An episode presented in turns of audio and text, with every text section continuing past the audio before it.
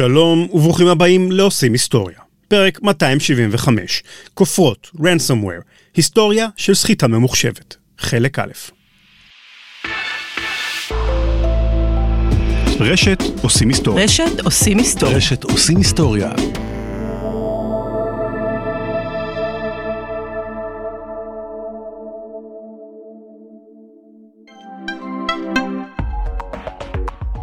לנהל רשת מחשוב ארגונית זה קשה. לנהל רשת מחשוב בארגון של עשרות ומאות אלפי עובדים זה כבר אתגר בקנה מידה אחר לגמרי.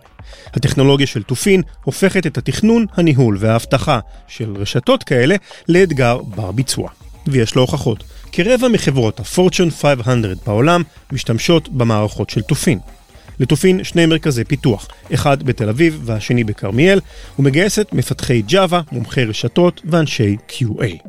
לפרטים נוספים והגשת קורות חיים, בקרו באתר הקריירה של תופין, תופין.com, tufin.com, או הקליקו על הבאנר של תופין באתר הבית של רשת עושים היסטוריה. Tranquility Base here. The Eagle has landed. עושים היסטוריה עם רן לוי.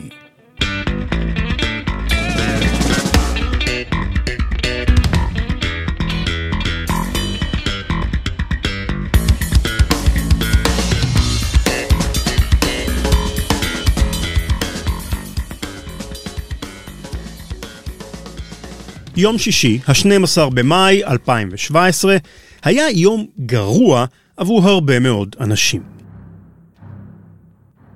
אנשי עסקים, רופאים, בנקאים וטכנאים ביותר מ-150 מדינות הפעילו את המחשבים שלהם בבוקר, ובמקום שולחן העבודה הרגיל הופתעו לראות תמונה של מנעול לבן וגדול על רקע אדום ומאיים, ולצידו המילים, אופס, הקבצים שלך הוצפנו. ואכן, מי שניסה לגשת אל הקבצים שהיו מאוחסנים על המחשב שלו, גילה שהוא לא יכול לפתוח אותם. מתחת לתמונת המנעול הלבן היה שעון עצר שספר את השניות והדקות לאחור, ומסר שאינו משתמע לשני פנים. אם לא תשלם 300 דולר בביטקוין, הקבצים שלך יימחקו. הקבצים החשובים שלך הוצפנו. אולי אתה עסוק עכשיו בחיפוש אחר דרך להציל את הקבצים שלך, אבל אל תבזבז את הזמן. אף אחד לא יוכל לשחזר אותם ללא שירות הפענוח שלנו. שמה של התוכנה הזדונית שהייתה אחראית לאיום הזה היה WannaCry, רוצה לבכות בתרגום חופשי. שם הולם במקרה הזה. WannaCry הייתה אחת מהתקפות הכופר הממוחשבות, הגדולות והנרחבות ביותר אי פעם, אם לא הגדולה שבהן. למעלה מ-200 אלף מחשבים בכל רחבי העולם נדבקו בתוכנה הזדונית הזו, וסיפורים מסמרי שיער על תיקים רפואיים שעבדו בבתי חולים, ועסקים שהפסידו סכומי עתק הציפו את מהדורות החדשות. מומחי אבטחת המידע הזהירו מפני תרחיש אימים שכזה כבר מזה שנתיים ויותר, אבל הייתה זו הפעם הראשונה שהציבור הרחב נחשף לאיום הכופרות, ransomware בלעז, במלוא עוצמתו.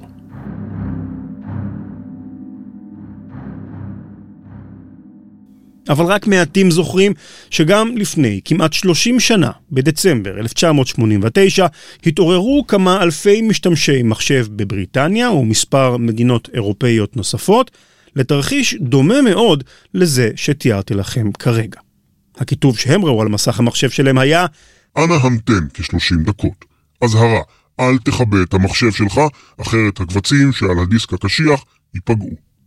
בחלוף 30 דקות מתוחות, קיבל המשתמש הודעה מדאיגה נוספת.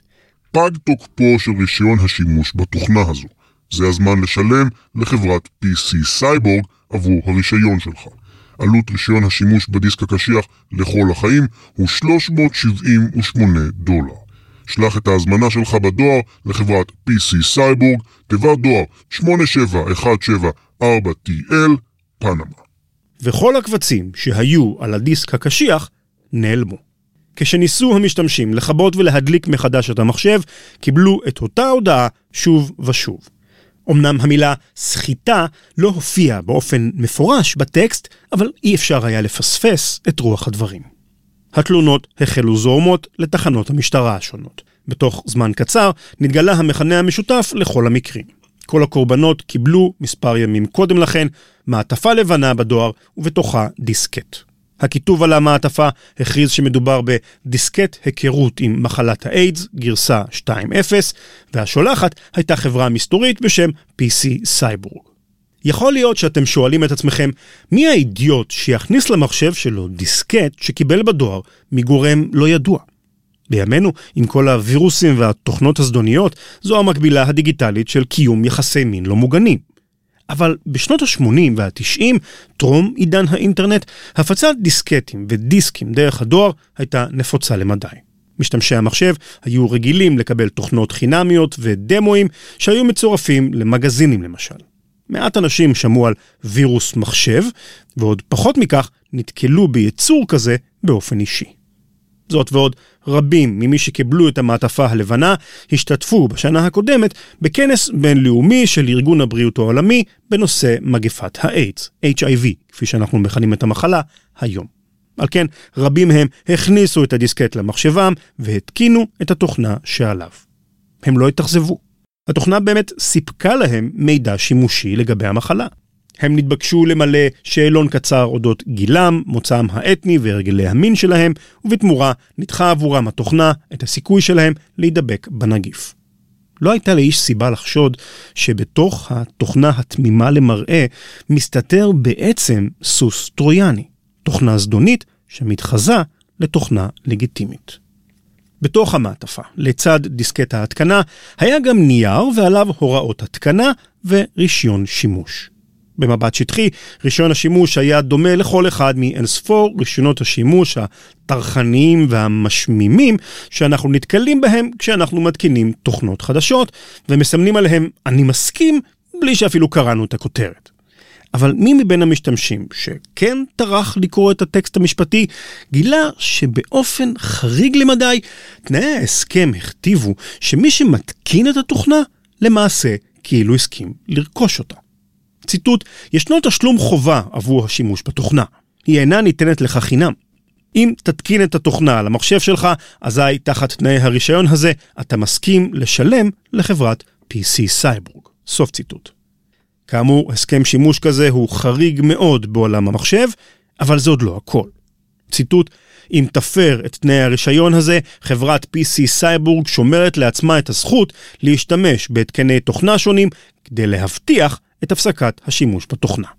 להפרת הסכם הרישיון יהיו השלכות חמורות ביותר. מצפונך עשוי לרדוף אחריך למשך שארית חייך.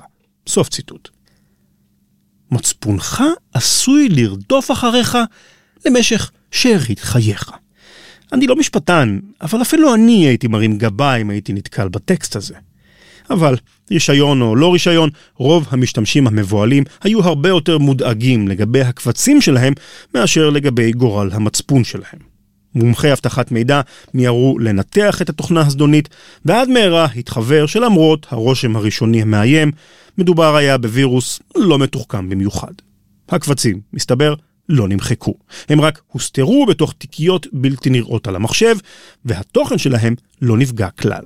שמותיהם של הקבצים הוצפנו והוחלפו בג'יבריש חסר משמעות, אבל האופן שבו נעשה הדבר היה חובבני למדי. ההצפנה הייתה למעשה טבלה פשוטה, שבה כל תו הוחלף בתו אחר. למשל, האות B הוחלפה באות U, האות F הוחלפה בסימן קריאה וכולי. החוקרים שבחנו את הקוד של הווירוס חילצו מתוכו את טבלת ההצפנה, ובתוך ימים ספורים יצר מישהו תוכנה פשוטה שהסירה את התוכנה הזדונית והשיבה את הקבצים למצבם המקורי. הסקוטלנד יארד הבריטי פתח בחקירה וגילה ש-PC סייבורג הוקמה בפנמה שבמרכז אמריקה שלושה חודשים קודם לכן בידי שלושה אנשי עסקים בעלי שמות שהעידו על מוצא אפריקני. כתובת החברה הייתה פיקטיבית, לא יותר מאשר תיבת דואר רגילה. המעטפות נשלחו לכעשרת אלפים איש, מתוכם שלושת אלפים שהשתתפו בוועידה בינלאומית של ארגון הבריאות העולמי, ועוד שבעת אלפים שהיו מנויים של מגזין בשם PC Business World. את רשימת התפוצה רכש מהמגזין אלמוני בשם מר קטמה. היום לא היינו מצפים ממגזין מחשבים מכובד למכור את רשימת המינויים שלו לכל דכפין, אבל אז, בשנות ה-80 העליזות, הנוהג הזה היה מקובל יותר. חוקרי המשטרה ומומחי אבטחת המידע היו מבולבלים. במי הם נלחמים כאן? האם מדובר בארגון בינלאומי של פושעים מתוחכמים? השימוש בחברת קש כמסווה לפעילות פלילית ועצם מעשה הסחיטה באמצעות תוכנה רמזו על תחכום ואולי גם על השקעה כספית לא מבוטלת. הדיסקטים עצמם, אפילו ללא עלות המשלוח בדואר, ודאי עלו כמה עשרות אלפי דולרים לפחות. מצד שני, התוכנה הזדונית עצמה הייתה בבירור חובבנית, והניסוח של הסכם הרישיון היה פשוט מוזר. בדוח אודות הכופרה שכתבו שלושה מומחי אבטחה זמן מה לאחר האירועים, אפשר לשמוע את הבלבול שבו היו נתונים החוקרים. ציטוט: קשה לדעת איך להתייחס לדיסקט הזה. לפי ההכנה המדוקדקת והזהירה שלו, וסכום הכסף הגדול שבוזבז על העניין, סביר להניח שלא מדובר אך ורק בניסיון סחיטה גס ותו לא. האם ייתכן שלא שמענו את המילה האחרונה מ-PC סייבורג? האם ייתכן שבעוד מספר שבועות נקבל מכתב נוסף, ובו פרק הסחיטה האמיתי? ואולי מצד שני מדובר בסך הכל בכמה אנשים הזויים. אם זה המצב, אולי אין להם שום מניע נסתר, ומה שראינו עד כה יהיה סוף הסיפור. סוף ציטוט. שבועיים מאוחר יותר הראה פריצת דרך בחקירה.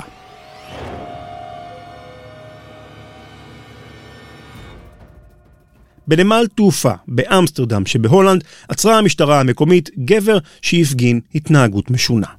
שמו היה דוקטור ג'וזף לואיס פאפ, בן 39, אמריקני, מומחה לאנתרופולוגיה. פאפ היה בדרכו לארצות הברית בחזרה מאפריקה, שם ערך מחקרים מדעיים על קופים מקומיים. הוא פנה לשוטרים בשדה התעופה והתלונן בפניהם שמישהו מנסה לחסל אותו, ואפילו שירבט על מזוודה של נוסע אחר, דוקטור פאפ הורעל. השוטרים עיכבו את המדען הפרנואיד לחקירה, וכשפתחו את מזוודתו, גילו בתוכה חותמת דיו עם הכיתוב PC Cyborg. המשטרה ההולנדית דיווחה על התגלית לסקוטלנד יארד הבריטי, ושחררה את דוקטור פאפ לדרכו. כשנחת המדען בארצות הברית, המשיכו ה-FBI והסקוטלנד יארד בחקירה סמויה, שהעלתה כי מספר שנים קודם לכן פיתח דוקטור פאפ עניין רב במגפת ה-HIV, ואפילו ארגן כנס גדול סביב המחלה בקניה. אבל זמן קצר לפני שחזר לארצות הברית, פוטר פאפ מעבודתו בארגון הבריאות העולמי. הוא התגורר עם הוריו בעיירה קטנה באוהיו, ושכניו תיארו אותו כאדם שקט ונעים לבריות. אחרי שלושה חודשים של חקירה סמויה, פשטו הסוכנים על ביתו ועצרו את פאפ. בחיפוש בחדרו נתגלו לא פחות ממיליון דיסקטים ריקים. עושה רושם שפאפ קיווה להשתמש בדמי הכופר שירוויח מהכופרה שהפיץ כדי לממן קמפיין סחיטה שני, רחב יותר.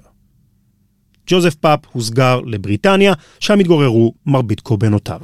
במשפטו, הוא הודה כי שלח את הדיסקטים בדואר, אבל טען שלא מדובר בניסיון סחיטה. אחרי הכל, הוא כתב בבירור בהסכם הרישיון שהתקנת התוכנה פירושה הסכמה לרכוש אותה, ושהפרת ההסכם עלולה להביא לפגיעה במחשב. זו לא אשמתו שהמשתמשים לא קראו את ההסכם לפני שהתקינו את התוכנה.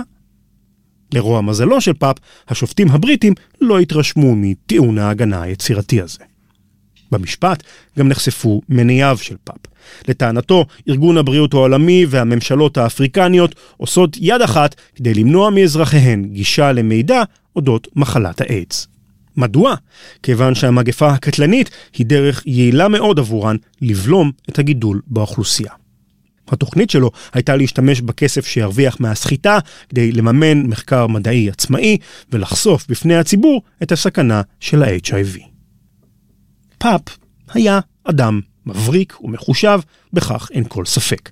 למשל, הוא הקפיד שלא לשלוח את הדיסקטים הנגועים למשתמשים בארצות הברית, כדי לא לעמוד למשפט במדינתו שלו. אבל התוכנית המגלומנית שלו והטיעונים הקונספירטיביים שכנעו את השופטים שהוא סובל ממחלת נפש. זה והעובדה שמדי פעם הוא הופיע בבית המשפט כשהוא חובש לראשו קופסאות קרטון ומסלסלי שיער בזקן כדי להגן מפני קרינה קטלנית. בסופו של דבר, גם התביעה הסכימה להכריז על דוקטור פאפ כביזיון לציבור. מונח משפטי רשמי באנגליה, שמאפשר לסיים משפט ללא הרשעה פלילית. פאפ הוחזר אחר כבוד לארצות הברית, שם בילה מספר שנים בבית חולים פסיכיאטרי. אנחנו לא יודעים הרבה על קורותיו של פאפ לאחר מכן. הוא עבר לניו יורק, שם פרסם ספר תחת הכותרת המטעה אנתרופולוגיה פופולרית. הספר באמת היה על אנתרופולוגיה, רק מאוד מאוד לא פופולרי. בהמשך הוא הקים חווה לשימור זני פרפרים, וב-2006 מצא את מותו בתאונת דרכים קטלנית. אין ספק שביחס למזימות פשע אחרות, כופרת האיידס הייתה פלופ זוועתי. פאפ בזבז עשרות אלפי דולרים כדי להקים את חברת הקש שלו ולקנות את כל הדיסקטים הריקים, אבל ההצפנה החובבנית שפוצחה בזריזות הביאה לכך שאף אחד מקורבנותיו לא שלח לו ולו סנט אחד לכתובת בפנמה.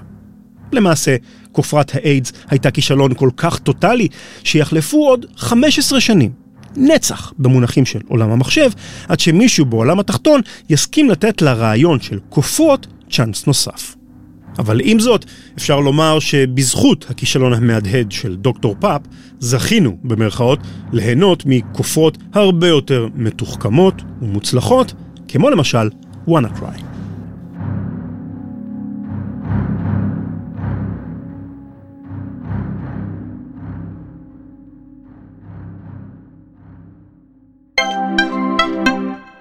אם אתם במקרה מרגישים כאילו המוח שלכם עובד היום על ניוטרל, ואתם כאילו ערים, אבל תכלס מסתובבים קצת כמו זומבים, אז תחשבו רגע על איך ישנתם אתמול בלילה.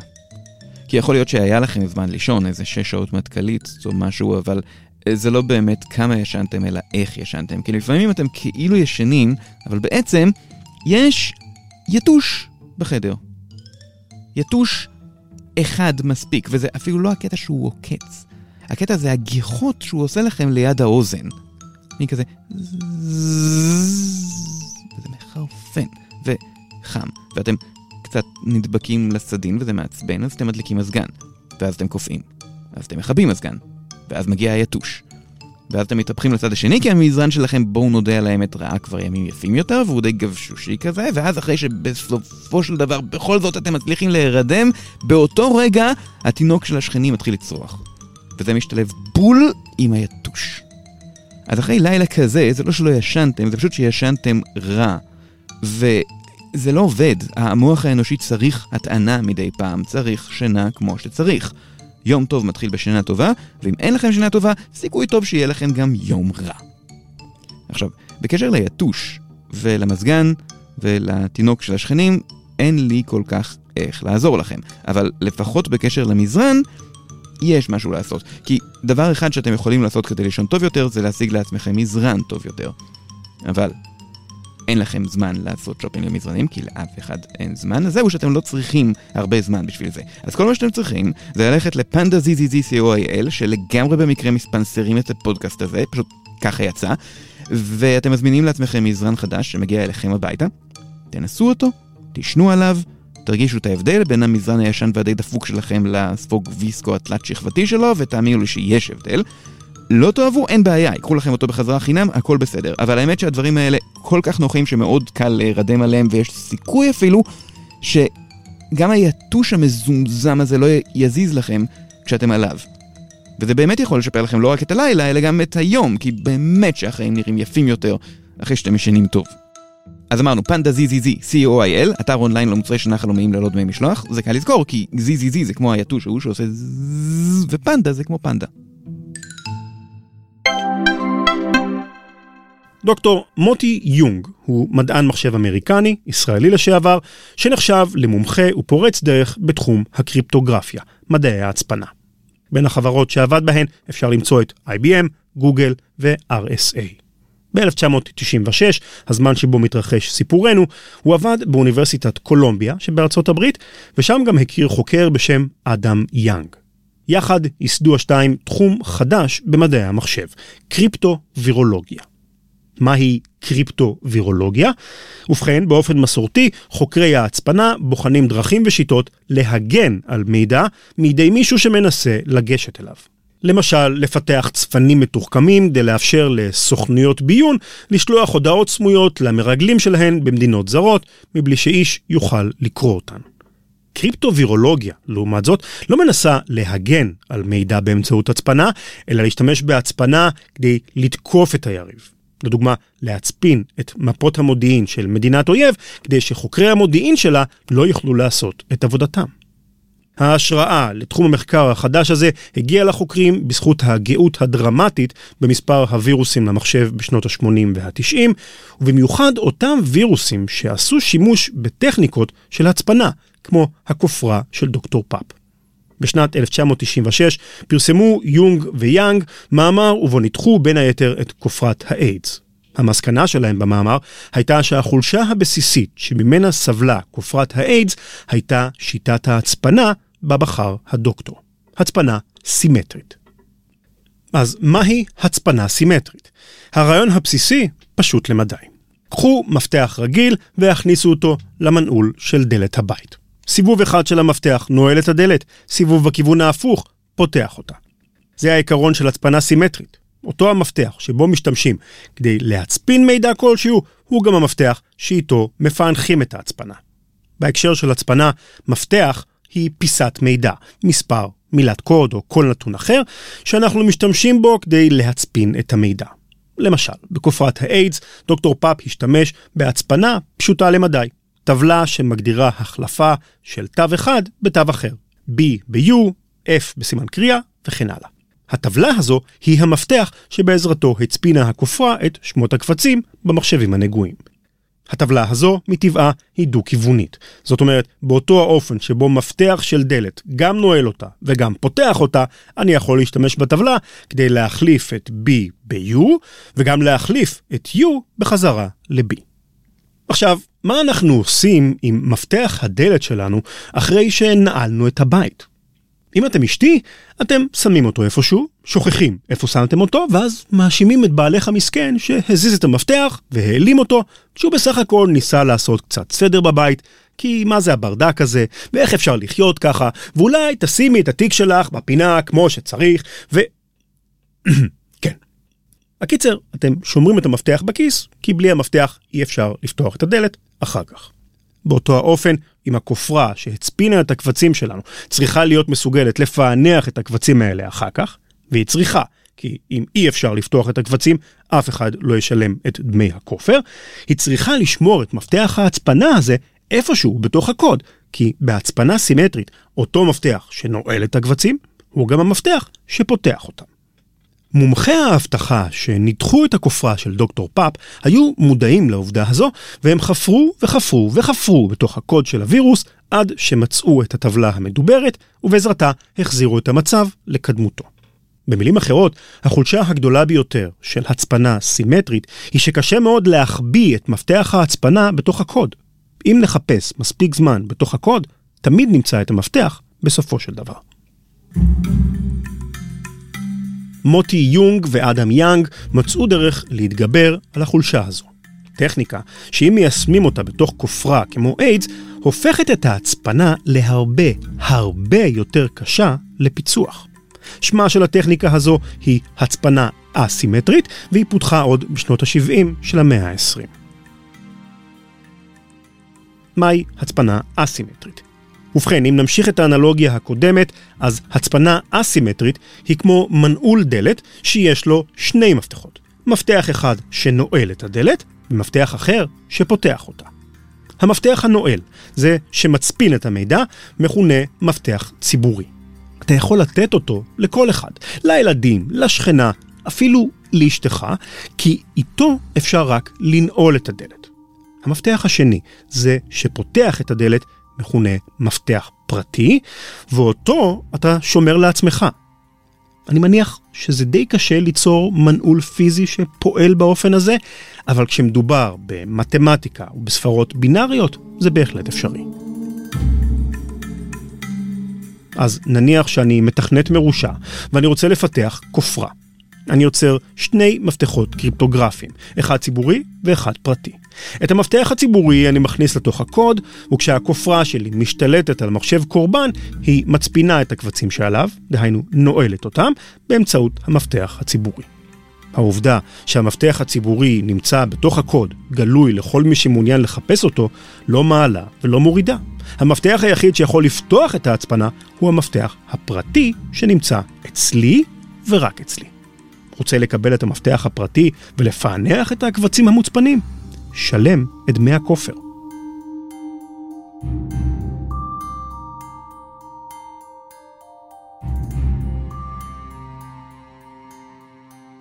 זה המקום המתאים לומר כמה מילים על הדילמה האתית המורכבת שבה מצאו את עצמם יונג ויאנג. כשפרסמו שני החוקרים את המאמר שלהם, שבו הסבירו על האופן שבו אפשר להשתמש בהצפנה אסימטרית כדי לפתח כופרות בלתי ניתנות לפיצוח, היה להם ברור שאת המאמר הזה יקראו לא רק חוקרי הצפנה אחרים, אלא גם עבריינים. היו רבים שתהו, בקול רם אפילו, האם ראוי שחוקרים יעניקו מתנה כל כך יקרת ערך לפושעים? טכניקה שתעזור להם לפתח כופרות יעילות ומסוכנות מאוד. מה היינו אנחנו חושבים על מומחה לכלי נשק שנותן טיפים לרוצח פוטנציאלי, כמו איך לכוון את הנשק שלו טוב יותר?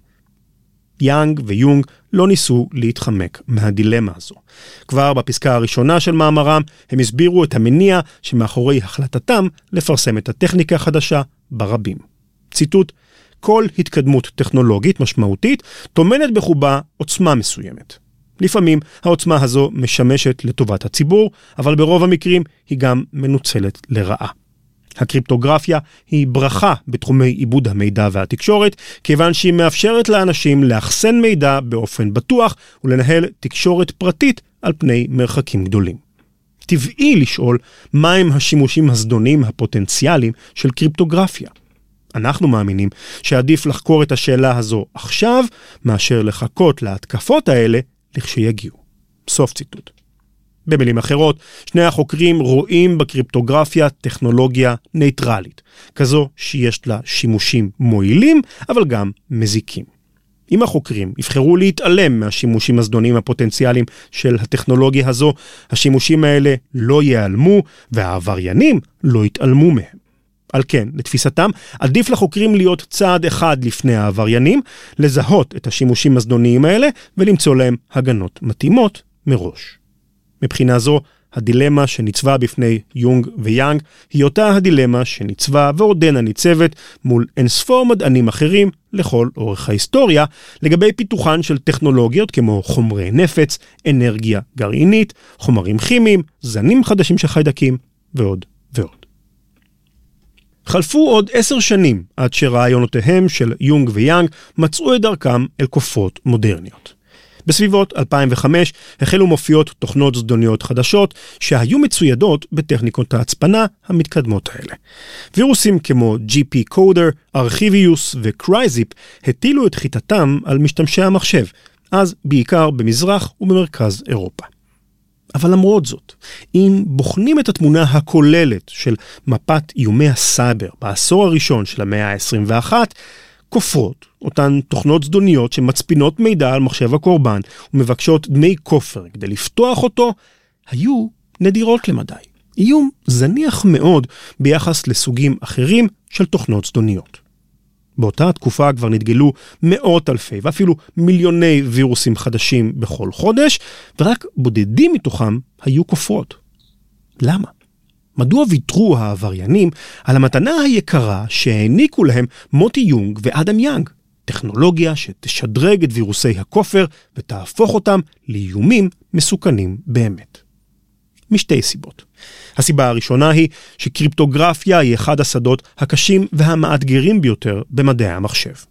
יש מרחק גדול בין הבנה של רעיון עקרוני כלשהו בתחום ההצפנה ובין יישום שלו הלכה למעשה. אם אני כותב תוכנה רגילה, לשם הדוגמה משחק מחשב, מותר לי לטעות פה ושם. אולי במצב מסוים המשחק ייתקע או יקרוס, אולי יהיה איזה באג קטן במשחק, אבל בסך הכל הכללי המשחק יעבוד בסדר גמור ואפשר יהיה ליהנות ממנו. תוכנה מורכבת, כמו מערכת הפעלה למשל, עשויה להכיל אלפי שגיאות ותקלות קטנות שכאלה, ואנחנו עדיין נוכל להשתמש בה. אבל כשמדובר בתוכנת הצפנה, זה לא עובד ככה. כל טעות בקוד, כל שגיאה זהירה או שיבוש קטנטן, היא פרצה שמומחי פיצוח הצפנים יכולים להסתנן דרכה ולשבור את הצופן. דוגמה מעולה לבעייתיות הזו היא WannaCry, אותה כופרה שעימה פתחתי את הפרק. כאמור, WannaCry הייתה כופרה מוצלחת במיוחד. בתוך פחות מ-48 שעות היא השתלטה על למעלה מ-200 אלף מחשבים, הצפינה את הקבצים שעליהם ודרשה תשלום של 300 דולר בביטקוין כדי לשחרר אותם. זמן לא רב לאחר מכן מצא חוקר אבטחה בריטי דרך להאט את התפשטותה של הכופרה ולמנוע ממנה להדביק מחשבים חדשים, אבל זה לא העניין. משתמש שהמחשב שלו כבר נדבק בווירוס האכזרי והקבצים שלו כבר הוצפנו, עדיין היה בבעיה קשה. אבל אז, ארבעה ימים לאחר שנתגלתה WannaCry לראשונה, חשף חוקר אבטחה צרפתי חולשה מפתיעה בכופרה. WannaCry השתמשה ברעיון ההצפנה האסימטרית שתיארו יונג ויאנג. לאחר שהתוכנה הזדונית הסתננה לתוך המחשב הקורבן, היא יצרה שני מפתחות הצפנה, אחד ציבורי ואחד פרטי. בעזרת המפתח הציבורי היא הצפינה, נעלה את הקבצים, ואת המפתח הפרטי, המפתח שאיתו אפשר לפתוח את הקבצים, היא שלחה דרך האינטרנט אל ההאקר שיצר אותה, ואז מחקה אותה מהמחשב לגמרי. על פניו, הפשע המושלם. המפתח הציבורי שנמצא על המחשב חסר תועלת, ורק העבריין מחזיק במפתח הפרטי שיכול לפתוח את ההצפנה. אבל אמרנו שמפענחי צפנים הם יצורים עקשניים במיוחד. הם מסוג האנשים שישבו על תשבץ או חידת היגיון במשך ימים, שבועות או שנים עד שיפתרו אותם, והם מומחים באיתור הסדקים הקטנים והחולשות הזהירות שיפילו אפילו את ההצפנה המורכבת ביותר. במקרה הזה, חוקר האבטחה הצרפתי שבחן את קוד התוכנה של WannaCry, הבחין בתקלה זהירה באופן שבו יצרה הכופרה את מפתחות ההצפנה שלה. מבלי להיכנס ליותר מדי פרטים טכניים, נאמר רק שכדי ליצור את המפתח הציבורי והמפתח הפרטי, WannaCry הייתה צריכה לבצע תרגיל מתמטי של הכפלה של שני מספרים ראשוניים גדולים מאוד. מכיוון שהרבה תוכנות במחשב משתמשות בהצפנה בשגרה, מערכת ההפעלה, Windows, מכילה בתוכה קוד שכבר יודע לעשות את זה. באופן הזה, מי שמפתח תוכנה חדשה לא צריך להמציא את הגלגל כל פעם מחדש ולכתוב קוד שמבצע את ההכפלה הזו. הוא יכול לבקש מווינדוס שתעשה את זה בשבילו, ורק תיתן לו את התוצאה הסופית. גם המתכנת של WannaCry ניצל את האפשרות הזו. למה לא? חיים קלים. אבל מסתבר שבקוד של מערכת ההפעלה הייתה שגיאה. אחרי שמערכת ההפעלה סיימה לחשב את תוצאת המכפלה של שני המספרים הראשוניים, היא לא מחקה את המספרים האלה מזיכרון המחשב. כל עוד המחשב נשאר דולק והחשמל הגיע לשבבי הזיכרון, המספרים האלה נשמרו בתוכם. מדוע מדובר בשגיאה? כי אם אני יודע מהם שני המספרים הראשונים שבעזרתם חושבו המפתח הציבורי והפרטי, אני יכול לבצע את אותה הכפלה שוב ולשחזר את המפתח הציבורי והפרטי. זה כמו שמישהו ירצה לדעת מה קניתי בסופרמרקט. אם אין לו מושג מה היה בעגלה שלי כשעזבתי את החנות, הוא יכול לנסות ולמצוא את רשימת הקניות שנתנה לי אשתי. מכיוון שאני נשוי ותיק וחפץ חיים, אני כבר יודע לא לסטות מרשימת הקניות אפילו במילימטר. אם כתוב לי ברשימה מרכך כביסה של מותג X, ועל המדף יש גם מרכך כביסה של מותג Y זול בחצי, אני אקנה את המרכך של מותג X ויעלה כמה שיעלה, כי כמו שכתוב, לא תחקור במופלא ממך, או משהו בסגנון. במילים אחרות, אם יש לך את רשימת הקניות שלי, אתה יודע בדיוק מה קניתי, ובאותו האופן, אם יש לך את המספרים הראשוניים בזיכרון, אתה יודע בדיוק מהם מפתחות ההצפנה שנוצרו מהם. וכך, חוקר האבטחה הצרפתי כתב תוכנה חדשה שמחלצת את אותם מספרים ראשוניים מהזיכרון, מחשבת את המפתח הפרטי החסר, ומחלצת את הקבצים הנעולים על המחשב ללא דמי הכופר. כל זאת בהנחה כמובן שהמשתמש לא קיבע את המחשב אחרי שנדבק בכופרה. אם כן, זו דוגמה מצוינת לקושי הגדול של יישום מוצלח של רעיונות קריפטוגרפיים. כל טעות זהירה הורסת את ההצפנה.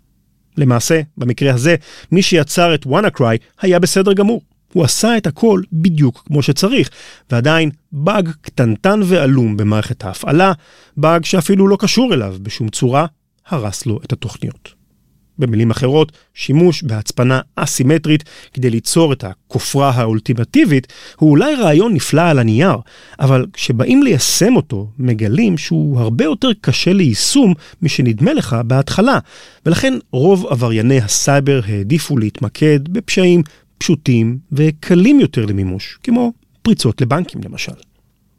אלו מבין העבריינים שבכל זאת התאהבו ברעיון של סחיטת דמי כופר מהקורבנות שלהם, פנו אל כופרות מסוג אחר, פשוט ובסיסי יותר. הכופרות האלה מכונות לוקרים, מלשון לנעול, והן לא מצפינות את הקבצים שעל המחשב הנגוע, אלא רק מונעות מהמשתמש לגשת אליהם. למשל, לוקר בשם רבטון, היה מציג על המסך חלון גדול ובו לוגו של סוכנות משטרתית כלשהי, והודעה שאומרת שהתוכנה זיהתה שהמשתמש צפה בפורנוגרפיה או בתוכן לא חוקי אחר, ולכן עליו לשלם קנס של 100 אירו. הטריק כאן הוא שהחלון הגדול כיסה את כל המסך ואי אפשר היה לסגור אותו.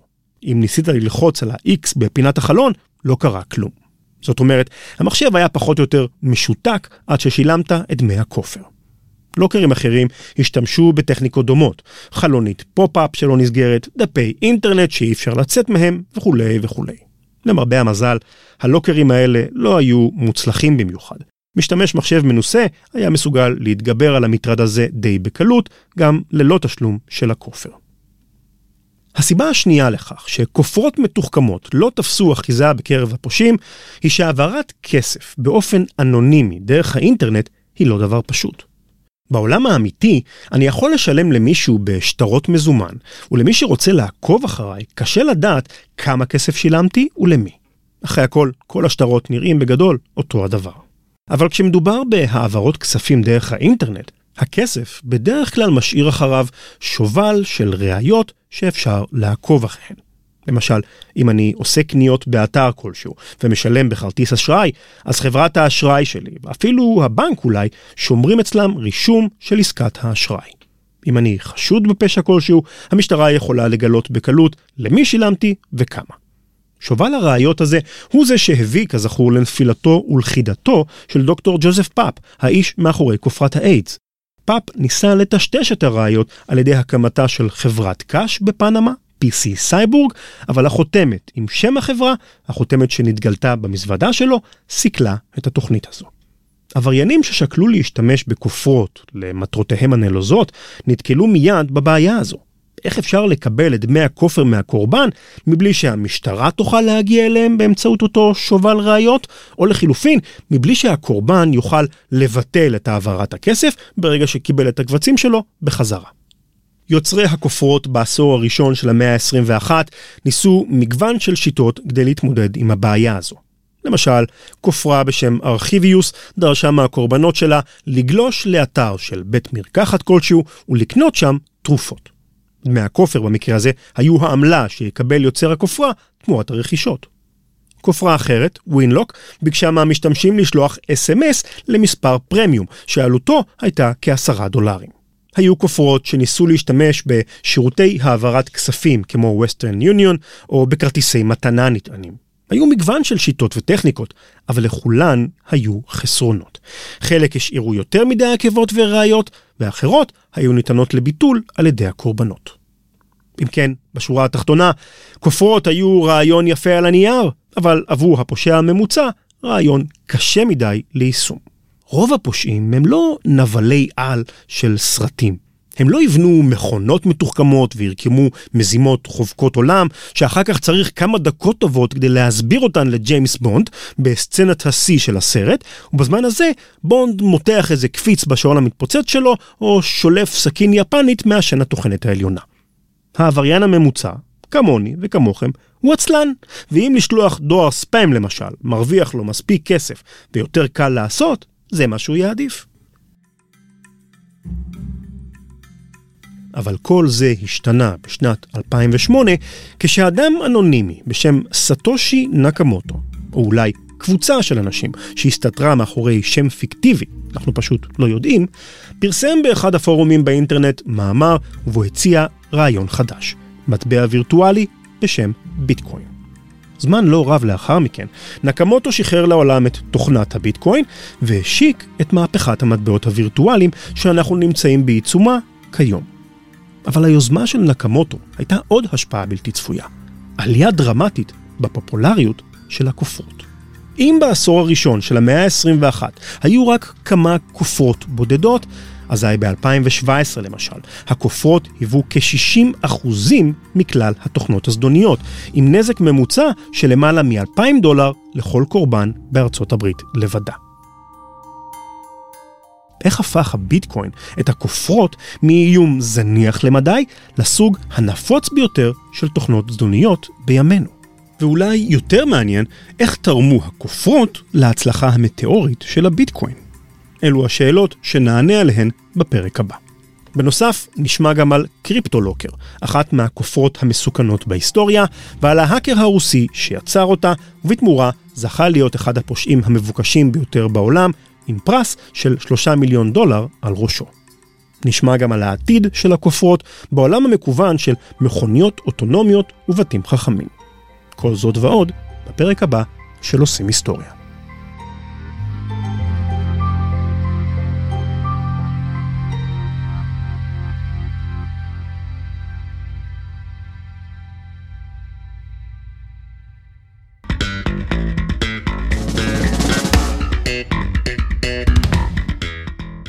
עד כאן לפרק הזה.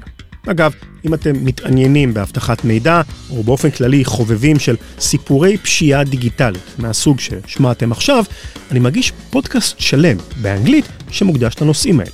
חפשו את Malicious Life בכל אפליקציות הפודקאסטים, כולל כמובן באפליקציית עושים היסטוריה באנדרואיד. שוב, Malicious Life, פודקאסט על העבר, ההווה והעתיד של אבטחת מידע.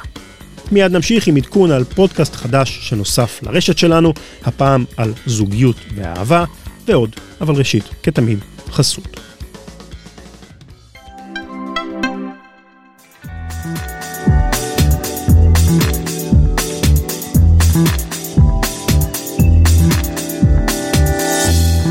שלום, כאן חגי גולן מעושים עסקים. אני מזמין אתכם להצטרף אליי ולהאזין לפודקאסט החדש שלי, עושים נדל"ן של רשת עושים היסטוריה. נדבר על כל מה שחם בתחום הנדל"ן, ננתח מחירים של דירות בערים ובשכונות בישראל, ועוד הפתעות, האזנה נעימה.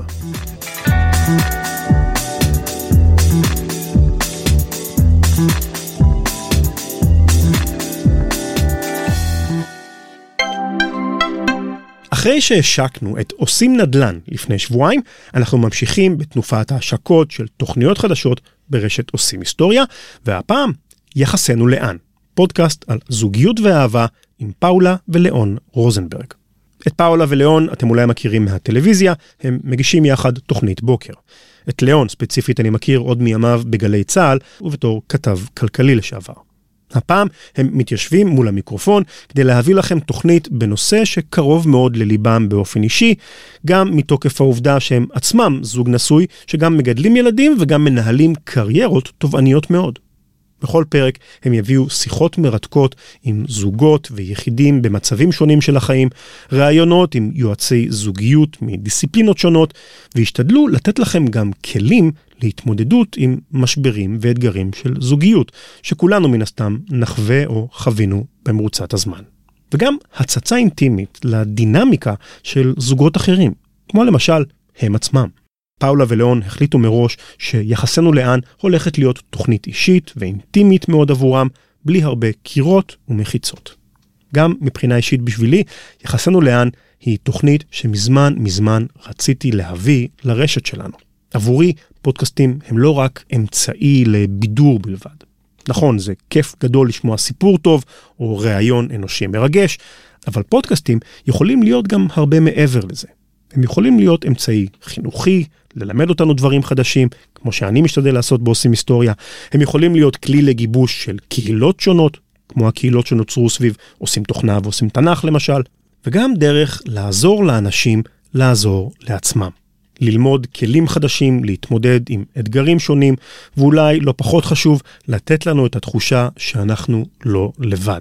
שיש עוד אנשים רגילים כמונו שמתמודדים עם קשיים דומים לשלנו, ואם הם יכולים להתגבר עליהם, אולי גם אנחנו יכולים.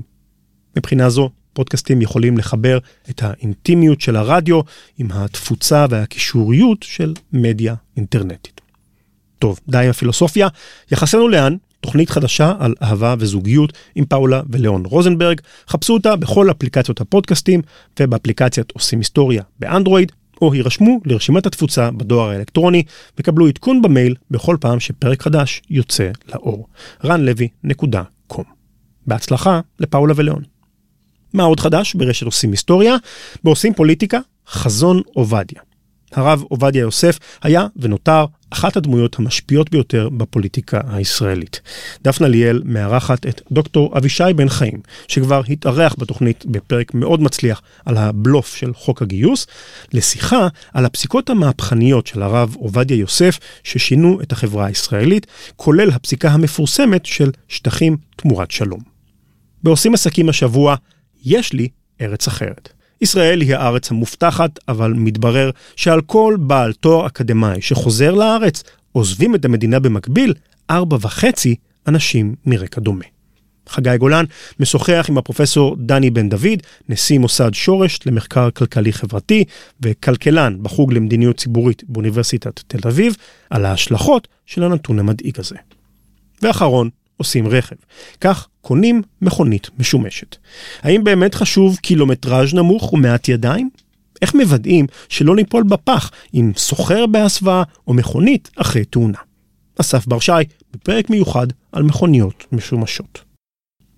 שאלת עושים היסטוריה ברוח הפרק הזה, ספרו לנו את סיפורי הווירוסים והפשע הדיגיטלי שלכם. חטפתם וירוס קטלני, כופרה השתלטה על המחשב של סבתא, גנבו לכם כסף מחשבון הבנק, אנחנו רוצים לשמוע. כן, אני יודע שכבר שאלתי את השאלה הזו באחד מפרקי העבר של התוכנית, אבל משום מה יש לי תחושה שעוד לא גירדנו את קצה החבית בעניין הזה. כתבו את תשובותיכם בעמוד ובקבוצת הפייסבוק של עושים היסטוריה. כתמיד, אם אתם אוהבים את עושים היסטוריה ומעוניינים לתמוך בה, אתם יכולים להזמין אותי להרצות באירוע שלכם. בין אם אירוע חברה, הרמת כוסית או ערב העשרה, ובין אם מדובר באירוע פרטי בסלון שלכם. שמה של ההרצאה שלי, כיצד ייראו חיינו בעוד 15 שנה, ואני מספר בה על מהפכת הבינה המלאכותית. איך עובדת הטכנולוגיה החדשה והמרתקת הזו, וכיצד היא תשנה וכבר משנה את חיינו. מכוניות אוטונומיות, חינוך, בריאות, כלכלה, כל תחום שתרצו. צרו עמי קשר ב-run את runlevy.com. עושים היסטוריה הם דור קומט ואיתמר סוויסה בעריכה ובהפקה, שרה סילבצקי מנהלת הקהילות ואחראית על סיפור משפחתי וספיקרס בית ההרצאות שלנו, אביב שם טוב מנהל המכירות, דני תימור מנהל העסקי, ואני, רן לוי, כותב ומגיש. אנחנו נשתמע בפרק הבא. להתראות. In this house, we obey the laws of thermodynamics.